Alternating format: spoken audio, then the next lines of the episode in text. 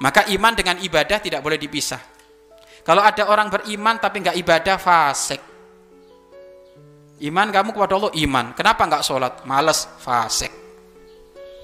Iman kamu kepada Allah iman. Kenapa kamu nyuri? Ya pengen saja, fasik.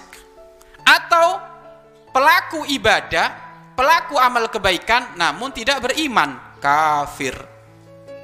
Ka kafir. Kamu beriman nggak pada Allah? Enggak. Saya tidak meyakini Allah sebagai Tuhan. Kenapa kamu infak sedekah? Ya pengen saja, kafir dia. Percuma. Selama-lamanya di neraka orang model kayak gitu itu. Ya. Jadi iman dengan ibadah tidak bisa dipisah.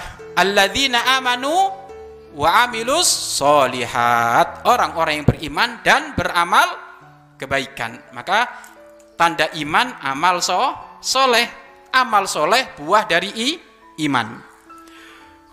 Jadi jalan keberuntungan, jalan kesuksesan itu iman dan ibadah.